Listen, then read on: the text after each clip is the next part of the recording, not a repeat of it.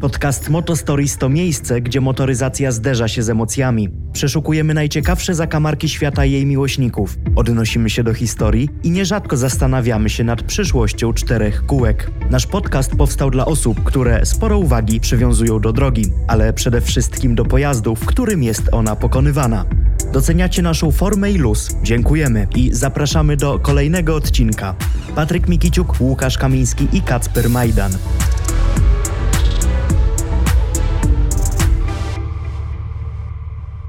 Zapewne wielu z Was jest po odsłuchaniu naszego specjalnego chyba odcinka, bo pierwszego z gościem, więc traktujmy go jako odcinek specjalny z Piotrem Krzemińskim, człowiekiem, który żyje Formułą 1 i Formułą 1 interesuje się bardzo mocno. Jest też osobą, która w Formule 1 można powiedzieć, że pracuje, pracuje tylko, że od backstage'u. Więc myślę, że to dla wielu z Was jest fantastyczna historia. Jeżeli chcecie zobaczyć, jak motorsport i to ten motorsport najwyższych lotów wygląda całkowicie od tej takiej strony zaplecza, Wiemy też, że przez pewien moment nie mogliście tego odcinka spokojnie, sprawnie odsłuchać. Występowały tam problemy trochę niezależne od nas. Mam nadzieję, że teraz już jak się cofniecie właśnie do tego odcinka i go posłuchacie, to nie będzie już żadnych problemów i będziecie mogli cieszyć się historią motorsportu. W sumie historią motorsportu taką, której na pewno nie znacie. Siedzimy tutaj z Łukaszem i z Patrykiem i dywagujemy sobie troszeczkę na ten temat, że faktycznie szkoda, że było tam małe zamieszanie, bo to chyba jest bardzo fajna historia. Ostatni nasz odcinek skończyliśmy zagwozdką, że może powinniśmy robić częściej podcasty o samochodach w kinematografii, a później jak zaczęliśmy się zastanawiać nad naszym następnym odcinkiem, okazało się, że mamy tyle zapomnianych, łamane przez niedocenionych hiper out, super out, że właściwie taki cykl należałby się też tej dziedzinie motoryzacji.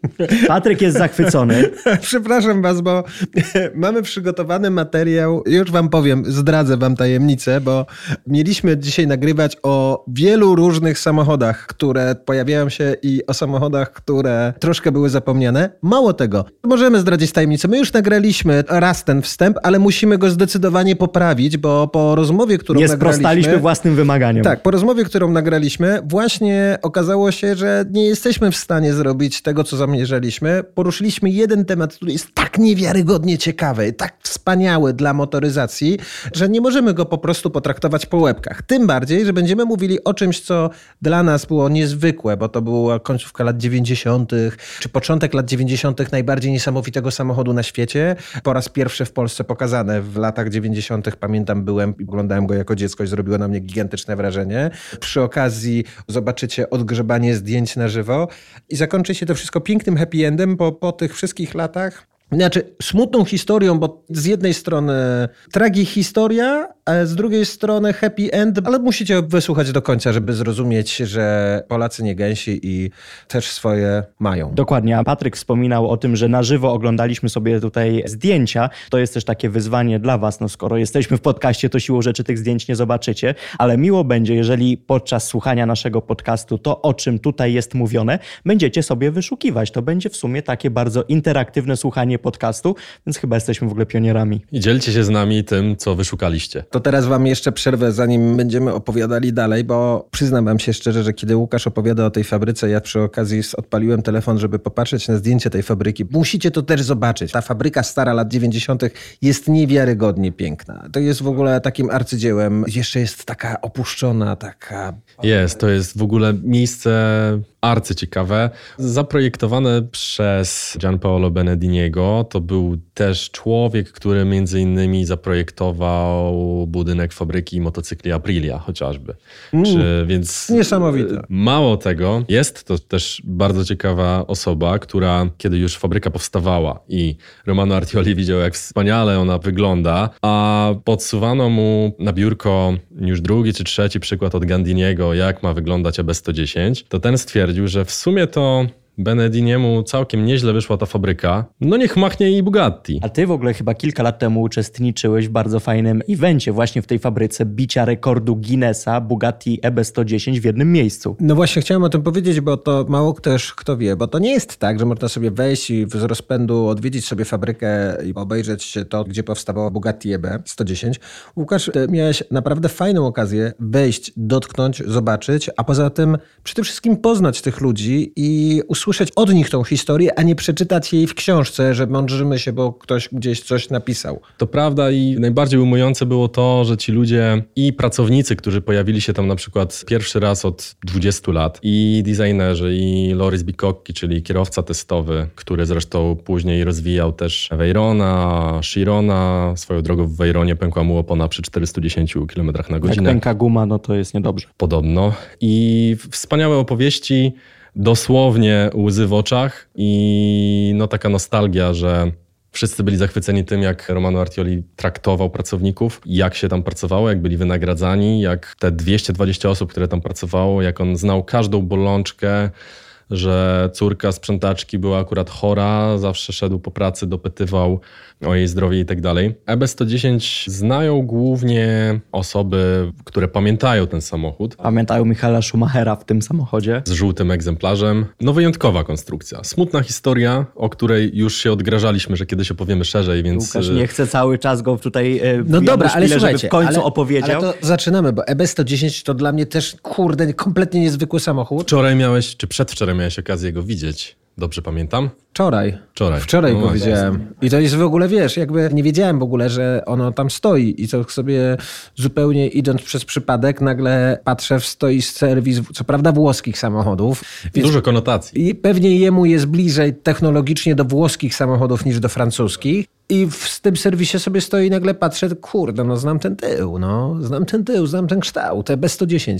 Ja pamiętam pierwszy raz EB110 zobaczyłem, przyjechało na targi do Warszawy w 90 chyba 7 albo 6 roku. Srebrne auto. Te targi odbywały się na Bokserskiej w Warszawie, w takich namiotach. Chyba to był 97 czy 98 rok. Wiadomo, że samochody zawsze stały między paprotkami i, i Toyota Corolla była po faceliftingu i, i wszyscy palili papierosy w środku. Wiesz, no to były zupełnie inne, inne klimaty.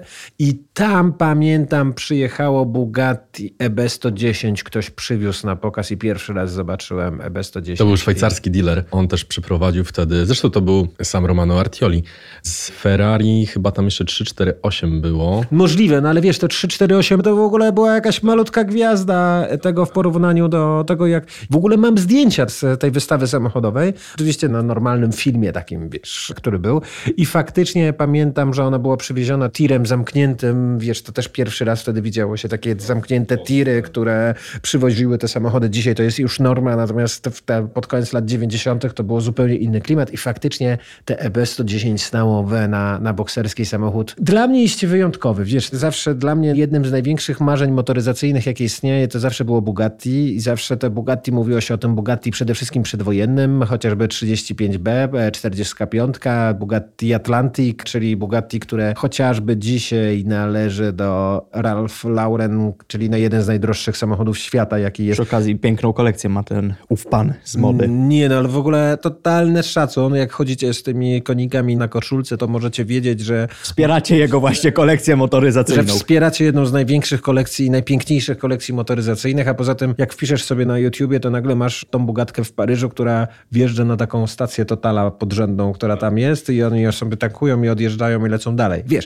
najprawdopodobniej jest to najdroższy samochód na świecie. Wiesz, ten dźwięk tego silnika, to wszystko, ach, to w ogóle niesamowite.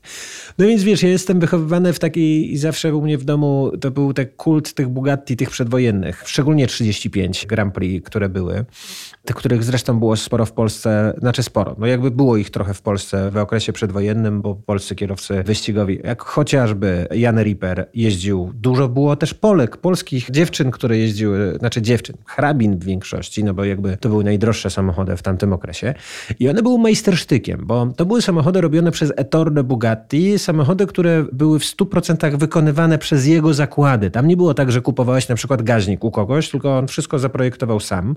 On wprowadzał cały szereg innowacji, bo to były samochody, które na przykład nie miały uszczelki pod głowicą, jak wszystkie inne samochody, bo ten silnik był zupełnie inaczej zaprojektowany. Przednia oś, która zawsze była kuta, taka wiesz, ciężka, była bardzo charakterystyczna. Wszystkie linki, które były jak w samolocie na zewnątrz wyprowadzone do tych hamulców, do te cięgna i te wszystkie rzeczy. Zresztą te auta chyba gdzieś możemy na zdjęciach przedwojennych kojarzyć z rajdu zakopiańskiego, z tego co kojarzę. No, e, Jasio, Jasio Ripper, który jakby bardzo dużo wyjeździł tymi bogatkami Grand Prix różnego typu. Zresztą tych, tych samochodów w Polsce było trochę. To nie jest tak, że ich absolutnie nie było i były absolutnie nieosiągalne, bo Polacy mają trochę taką mentalność, że jeżeli mają już kupować, to wolą kupić coś super fajnego. Tak? Jeżeli już kogoś na to stać, to faktycznie nawet widzimy to dzisiaj po drogach. Że, że, Już o tym wspominaliśmy, że dzisiaj polskie coś, specyfikacje coś samochodów są droższe niż e, Szwajcarów. Bugatki miały na przykład, nie miały wentylatora na chłodnicy, bo po co? Wentylator nie był potrzebny, bo Bugatti robił tak szybkie samochody, że miały się chłodzić same. I takich wiesz rzeczy w tych Bugatach, ten silnik, który zawsze był takim klockiem aluminiowym, tam wszystko było sztuką. Jakby każda rzecz była arcydziełem i to jest coś niesamowitego. I dlatego jakby ten nawrót w 91, tak? To tak, było. Wyszedł, tak. Wyszedł. Ten nawrót w 91 roku, jak ktoś powiedział, reanimujemy firmę Bugatti, to było dla mnie kurde, wiesz, to co było coś niesamowitego. I ja pierwszy raz zobaczyłem na żywo to Bugatti pod koniec lat 90. No i to było takie wow, to było coś niesamowitego. Chyba warto byłoby powiedzieć w ogóle, dlaczego nie ma Bugatti. O, dokładnie Łukasz znalazł zdjęcie z tej wystawy. A skąd masz to zdjęcie? Mam je w czeluściach folderu EB110. Ale to jest mój tata tym garniturze. A właśnie, już teraz pamiętam, to było stoisko firmy Autobecker. Autobecker, dokładnie. Tak, tak, tak, tak, tak, tak. To widzisz, to masz bardzo ładne zdjęcie, musisz mi je podesłać wobec tego kiedyś przy okazji. Jak widzisz, u nas rodzinnie byliśmy zafascynowani tymi Bugatkami i chyba warto w ogóle powiedzieć, dlaczego nie ma Bugatti. Dlaczego była taka przerwa w Bugatti? Znaczy w ogóle zacznijmy od tego, że pomimo tego, że od 20 lat to była francuska firma, to same Tore Bugatti był Włochem, więc potem nieco historia zatoczyła koło, że po 30 latach tego niebytu rynkowego, to właśnie Włoch zdobył tą markę na nowo odrodził ją i sporo się napracował, żeby fabryka w ogóle mogła zaistnieć we Włoszech. To niebywały projekt, aczkolwiek myślę, że warto skoncentrować się na tym, dlaczego dziś uważany jest ten samochód za nieco zapomniany, bo niedoceniony to chyba w jego aspekcie akurat nieodpowiednie słowo. Łukasz, dobra, to poczekaj. Ja zamieszam trochę w tej opowieści. Zaraz mi opowiesz, bo to są rzeczy, ty masz akurat na ten temat wiedzę taką, z której ja sam chętnie się dowiem, bo ja sam do końca nie znam tej historii Bugatti, dlaczego się wydarzyło tak, jak się wydarzyło, bo to jest absolutnie dla mnie niezrozumiałe i chyba tak naprawdę dzisiaj powiesz o rzeczach, których jeszcze nie mówiłeś wcześniej? Poniekąd tak, bo to jest taka nie, nie, niechlubna dość Włochów historia, no ale prawdziwa. To teraz tak, żebyście mieli świadomość, spróbujmy ustalić o co chodzi i dlaczego Torre Bugatti był tak wybitnym gościem. Pochodzenia Włoch, gość, który budował te samochody z wielkim natężeniem, z wielką miłością. Robił to bardzo dużo też z miłości do swojego syna, do Żana Bugatti, który był przy okazji kierowcą wyścigowym wyścigowym. I on tak naprawdę go w dużej części, tak trochę po włosku, wiesz, jeden, drugi, oni oczywiście wszystko było w niebieskich barwach, czyli było pod flagą francuską, natomiast jakby faktycznie się nakręcali w tym, żeby budować te najlepsze samochody. Zresztą Jean Bugatti jest autorem chociażby tego najsłynniejszego samochodu Bugatti, czyli La Royale, czy auta, które możecie oglądać w Zinsheim Muzeum i to jest taka dwukolorowa, granatowo-czarna Bugatka ze słoniem na, na masce, która powstała troszkę przez przypadek, bo oryginalne Bugatti zostało rozbite i karoseria na nowo została zbudowana na starym podwoziu przez Żana Bugatti i oni wszyscy mieli totalnie artystyczne zacięcie i stworzyli w ten sposób jeden z najpiękniejszych samochodów świata, jaki kiedykolwiek powstał. I tak powstał La Royale, który jest dzisiaj niezwykłym okazem. Jean Bugatti też konstruując samochody wyścigowe robił często, jeździł po tych wyścigach i sprawdzał te samochody i również startował. Bugatti gdziekolwiek się pokazywały, to zawsze wygrywały. To jakby, jakby były samochody iście bezkonkurencyjne. To to było coś takiego jakby dzisiaj Bugatti nie jest już tym, bo Bugatti jest hiperkarem. Natomiast wtedy było hiperkarem, ale takim, który oprócz tego mógł konkurować ze wszystkimi innymi. Bo zobaczcie, bo dzisiaj Bugatti nie konkuruje. Nie, ono konkuruje zupełnie. na papierze. Cyferkami tak. w tabelce. Tak. Ale nigdy nie staje na, nie wiem, Nürburgringu i nie mówi, to, to teraz chodźcie, weźmiemy, nie wiem, McLarena i weźmiemy Ferrari i się zmierzymy. Nie, nie, nie, nie. Oni tego, broń Boże, nie robią. Pewnie wielu względów tego nie robią, bo to nie są samochody do tego typu rzeczy. Natomiast wtedy Bugatti było takie, że jakby startowało w tych rajdach i one faktycznie wygrywało wszystkie imprezy, wszystkie rzeczy. 8 cylindrów, 1500 pojemności, doładowane kompresorem. No w ogóle wiesz, no kurde, lata 20, nie? To, to jest w ogóle coś niewiarygodnego, bo to była klasa do 1500.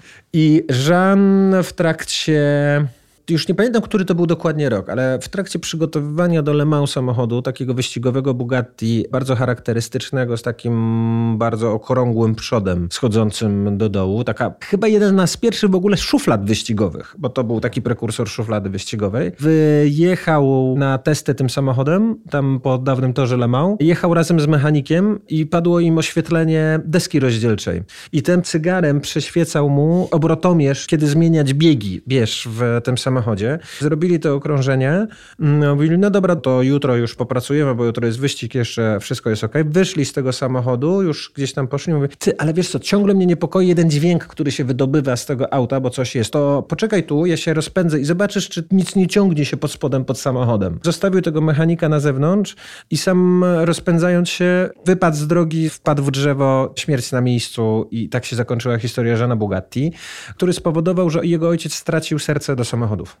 I tak właściwie zakończyła się marka tak, Bugatti. Później to w... było już takie dogorywanie w zasadzie i robienie. Ktoś próbował coś zrobić, ale one już nie były robione z serca Ettore Bugatti, czyli z tego legendarnego EB. I jakby tak w rzeczywistości marka Bugatti została zamknięta.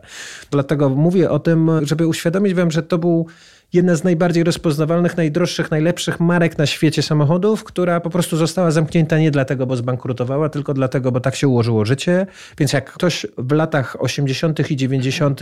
myślał o tym, żeby jednak zbudować tą markę na nowo, to to było wielkie wydarzenie, bo oni zeszli na szczycie, a nie zamknęli się, bo zbankrutowali. Więc takich ludzi jak ja, takich jak my, wszędzie na świecie było miliony, które marzyło o tym, że może kiedyś będzie tak, że marka Bugatti znowu ożyje. I teraz jakby wchodź ty cały na biało z tą opowieścią lat 90., bo to jest właśnie dla mnie bardzo ciekawe, co się wydarzyło w EB 110. I jeszcze kontynuując ten twój wątek, można powiedzieć, że chlubnie zeszli ze sceny, skoro to nie było bankructwo. Czyli każdy pożądał tych samochodów, zwłaszcza kierowcy wyścigowi, a życie potoczyło się w ten sposób, że Torres stracił serce do całej tej zabawy. W drugiej połowie lat 80., w zasadzie to już połowie lat 80., Romano Artioli stwierdził, że Romano Artioli to był włoski dealer, głównie Ferrari, ale nie tylko, bo najwięcej paradoksalnie pieniędzy ten biznesmen miał z importu japońskich samochodów do Europy. Świetnie mu szedł biznes, więc stwierdził, że pora na, na coś bardziej wystrzałowego. No i kilka lat zajęło mu, skracając mocno tą historię, ubieganie się o tą markę. Natomiast skoncentrujmy się właśnie na tym, bo to, jak bardzo zaawansowany był ten samochód, jak wspaniale została zaprojektowana i zbudowana fabryka, jakich inżynierów zatrudniał Romano Artioli i tak dalej, to jest w ogóle temat na książkę. Natomiast mówiąc wprost, zadziałały tutaj po prostu mechanizmy oparte na intrygach i po prostu poczuciu niebezpieczeństwa ze strony potężnych graczy, zwłaszcza włoskich. No i generalnie do, do śmierci projektu EB110, a tym samym całej marki Bugatti tej w drugim wcieleniu, przyczynili się poddostawcy sterowani w głównej mierze przez Ferrari. Czyli to jest trochę tak, że korzystali z tych samych dostawców tak. co Ferrari i jakby Dokładnie Ferrari zaczęło tak. się obrażać, żeby nie, tamci nie dostarczali im części, tak? Dokładnie tak. I przy czym było to bardzo grubymi nićmi szyte, no bo Bugatti i tak jak było jednym z niewielu samochodów, który poza, chyba zresztą też o tym wspominałem, oponami, szybami chyba, powstawało niemalże w jednym zakładzie, było samowystarczalne, no ale nie w 100%, więc tych kilka elementów, które były dostarczane przez wspólnych podwykonawców, Ferrari... Czyli to było takie albo my, albo oni, no. Tak, zwłaszcza, że jakby no sprawa była jasna. To już było po śmierci Enzo Ferrariego, bo za jego życia taka sytuacja by się nie wydarzyła, zwłaszcza, że prywatnie był on przyjacielem Romano Artioliego, który generował wtedy największą w Europie sprzedaż Ferrari, więc znali się bardzo dobrze i po jego śmierci w połowie lat 90 zaczęły się właśnie intrygi, bo Ferrari, Lamborghini zauważono, w Maserati również, ale no nie był to aż tak duży gracz, że trochę za duża liczba klientów interesuje się tym EB110, które przypomnijmy V12, cztery turbiny, napęd na cztery koła, no kosmiczna. No kosmiczna dobra, stary, tam miałeś 60 zaworów, to Tak. było 5 zaworów na cylinder. To była abstrakcja jakaś. To było 600, te, te ile tam 540 i potem 600 coś koni tak, mechanicznych. 570 i 611 w Supersporcie. W 91 czy drugim roku. No to są wyniki, które są jakimiś wynikami. Ile miał F40? 470. No w ogóle mogło się dowiadywać. Auto iście kosmiczne, a jednocześnie coś, co udało się Niemcom uzyskać w Veyronie czy Chironie,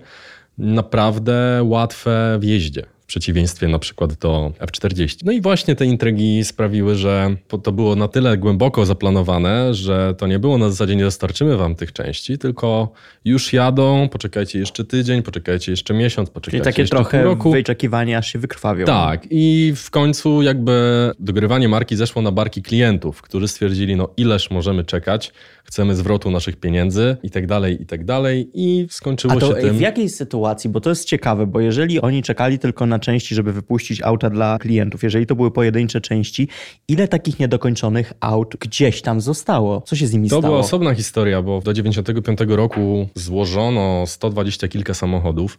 No i później do 97 roku rozpoczęto rozsprzedawanie tego, co zostało, czyli elementy fabryki, stare maszyny, niedokończone karoserie. Później inna włoska firma wykupiła pozostałe karoserie. Szybko sprzedała to niemieckiemu Dauerowi. Dauer złożył jeszcze 7 fizycznych aut, 5 sprzedał klientom. To są dzisiaj takie najrzadsze samochody, a jednocześnie najmniej cenione, bo nie do końca uważane za Bugatti. Więc to była cała historia bardzo głęboka.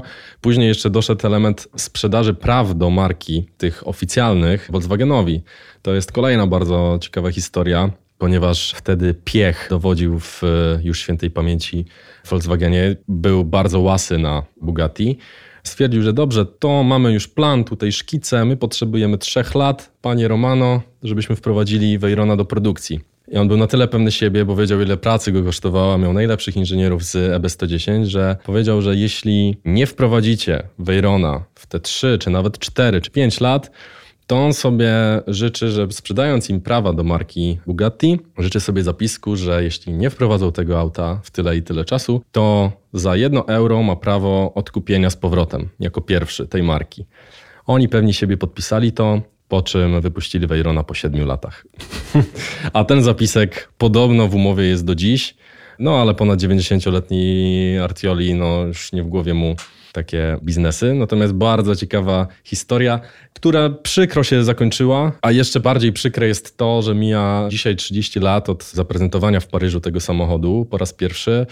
I wspaniała fabryka, którą pewnie wielu z Was mijało przy jednej z włoskich autostrad, jeszcze stoi, natomiast już jest e, zmiana właściciela i takim trochę polskim scenariuszem pewnie niedługo będzie zrównana z ziemią. Słuchajcie, żebyście mieli też świadomość dla kogoś, kto, kto nie do końca też wie, co się z czym je.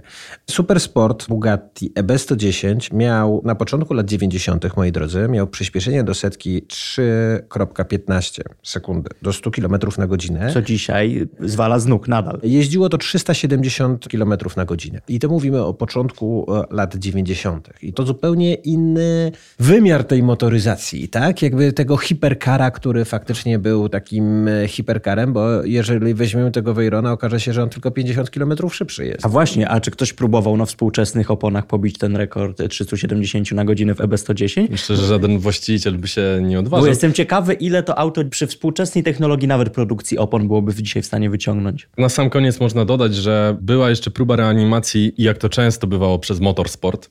W 90 chyba 6 lub 7 roku wystawiono dwa egzemplarze EB110 w Le Mans. Najpierw w długodystansowych Sebring i wielu innych wyścigach. Całkiem nieźle sobie radziły. No ale niestety awarie i kolizje wykluczyły w Le Mans Bugatti. No dobra, ale był była jeszcze, była jeszcze czarna plansza w historii Bugatti lat 90., bo powstała jeszcze wersja czterodrzwiowa, wersja limuzyna. EB112. e, które było jednym z najbardziej paskudnych samochodów, jakie widziała historia motoryzacji, bez wątpienia. O ile 110 możemy się zachwycać i mówić wow, wow, wow, wow, wow, to jak chcecie zobaczyć skrzyżowanie mrówkojada z pancernikiem i z paroma innymi rzeczami na kołach, to musicie wygooglować nazywać EB112. Aczkolwiek to zostało zresztą w rodzinie, patrząc na koncern. Czy nie uważacie, że był to protoplasta Porsche Panamery? Tak, to Trochę jakby... był, no tak. No a wiesz, to no, dokładnie o to chodziło tak naprawdę, ale faktycznie nie należało to do najpiękniejszych samochodów, jaki jest. Powiedziałeś też o tym, bo wspomnieliśmy, że pierwsze takie B110 było samochodem, które pojawiło się w Polsce w tych latach 90. na targach samochodowych. Przedstawione było chyba już przez nieistniejącą firmę Autobecker, tak mi się Tak, wydaje. tak, Ona, tak. Autobecker już nie istnieje. To była właśnie firma Romano Artyliego. Naprawdę? Tak, on sprzedawał Ferrari właśnie pod tym brandem, jako prywatny A to dealer. wiesz, że oni mieli jeszcze jeden epizod. To ciekawe jest, że oni w ogóle pod koniec lat 90. chcieli się wystawiać, bo Wiem, oni, oni mieli powiedzieć. bardzo smutny epizod związany z polską motoryzacją, znaczy z polskim rynkiem motoryzacyjnym, bo to była firma, która po raz pierwszy weszła na polski rynek zaraz na początku lat 90. i weszła tak, jakbyśmy sobie dzisiaj mogli to tylko wyobrazić w najlepszym tego słowa znaczeniu, jaki jest. A nawet chyba mocniej. A nawet chyba mocniej, bo wyobraźcie sobie ten, ten początek lat 90., to, że właśnie się zmienia Polones na Poloneza Caro i on staje się marzeniem i powstaje bodajże w Chorzowie salon samochodowy, który nazywał się High Life. Tak. Bodajże. nazwa bardzo adekwatna. Polskich wspólników i polskich udziałowców. I oni biorą samochody bodajże z Autobeckera. Tak. I te samochody to są samochody, które no jak na polskie warunki są no, dość mocno abstrakcyjne. Bo wśród nich są chociażby Ferrari Testarossy. I to w tym jedna czarna, jedna z 13 sztuk wypuszczona na wersji żałobną. Do sprzedania nowe Rolls Royce'y. Są do sprzedania 140 Mercedesy, siódemki i tak dalej, i tak dalej. To, to wiadomo, wiadomo, że to było. Jest do sprzedania w ten sposób przyjeżdża na przykład Lamborghini LM002, który jest do dzisiaj swoją drogą w Polsce. Wiesz, przyjeżdża mnóstwo samochodów takich różnego typu, jak sprowadzają samochody z Ameryki, które są sponsorem nagrody dla Miss Polonii. Ewa Wachowicz dostaje swojego Forda Probę, którego gwarantem jest OSP swoją drogą jakieś tam, mm, Tak. jeszcze nowa wieś chyba, czy coś takiego. Swoją drogą mam całą dokumentację tego samochodu Ewy Wachowicz To czerwone probę. z dokumentami, z podpisami, z tłumaczeniami na maszynie, wiesz, które zostały zrobione z, właśnie z salonu High Life. Jak pogrzebiecie na YouTubie, jest taki przepiękny materiał salonu High Life w latach 90. z otwarcia, gdzie chyba Włodek Ziętarski chodził z kamerą i Dokładnie. nagrywał te Rollsy, które tam stały, Ferrari, te Starosy i te parę innych samochodów. Mówię o tym, że to była smutna historia, bo z tego, co ja pamiętam, to historia była smutna przede wszystkim dla dostawcy tych super samochodów, bo one nie zostały zapłacone jemu Nie. po prostu. I zwrócone też nie I zostało. nigdy też nie zostały zwrócone. Ja, auta faktycznie zostały w Polsce. Ja nie jestem pewien, czy Corvetta ZR1 też stamtąd nie pochodziła. Taka czarna, ona miała historię baksika. Niewykluczone. Zresztą Ona też wiele, chyba wychodziła. Zresztą swoją drogą ostatnio spotkałem tą korwetę, która jest do tej pory, działa i funkcjonuje, jest w całości. Ja wpisałem Ford Probe i widzę piękne zdjęcie naszej Miss Polonii z 92 roku. High Life Bogucki. No właśnie, więc taka to była historia, jeśli chodzi o Bugatti. Dziękujemy, że słuchasz naszego podcastu. Nie zapomnij nas zasubskrybować, ocenić w Apple Podcast i porozmawiać z nami w Q&A na Spotify.